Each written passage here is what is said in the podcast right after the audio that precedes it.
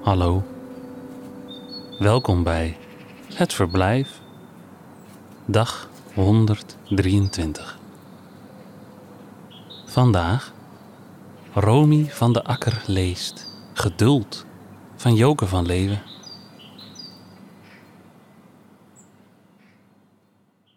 Te leven en dat leven te vergeten. Met zijn gedonderjaag en doe maar dik. Voor goed verstikt geraakt in eigen ik. En toch weer kleren aan en toch weer eten. En in het hoofd een weggedreven weten. En in de ogen die verdwaalde blik van vaag verbazen. Van onvaste schrik om wie er op bezoek zijn, hoe die heten. Zij die hun namen kennen schuiven aan en zitten daar van levenslust te blaken. De zinnen die op de repeatknop staan, proberen ze welwillend af te maken. Een kus voordat ze weer naar buiten gaan. Zo vluchtig even hun bestaan aanraken.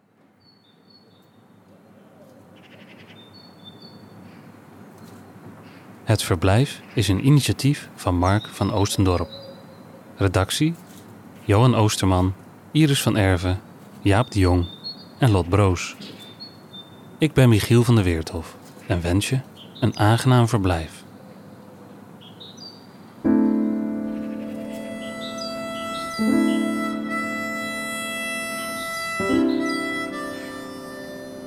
Tot morgen.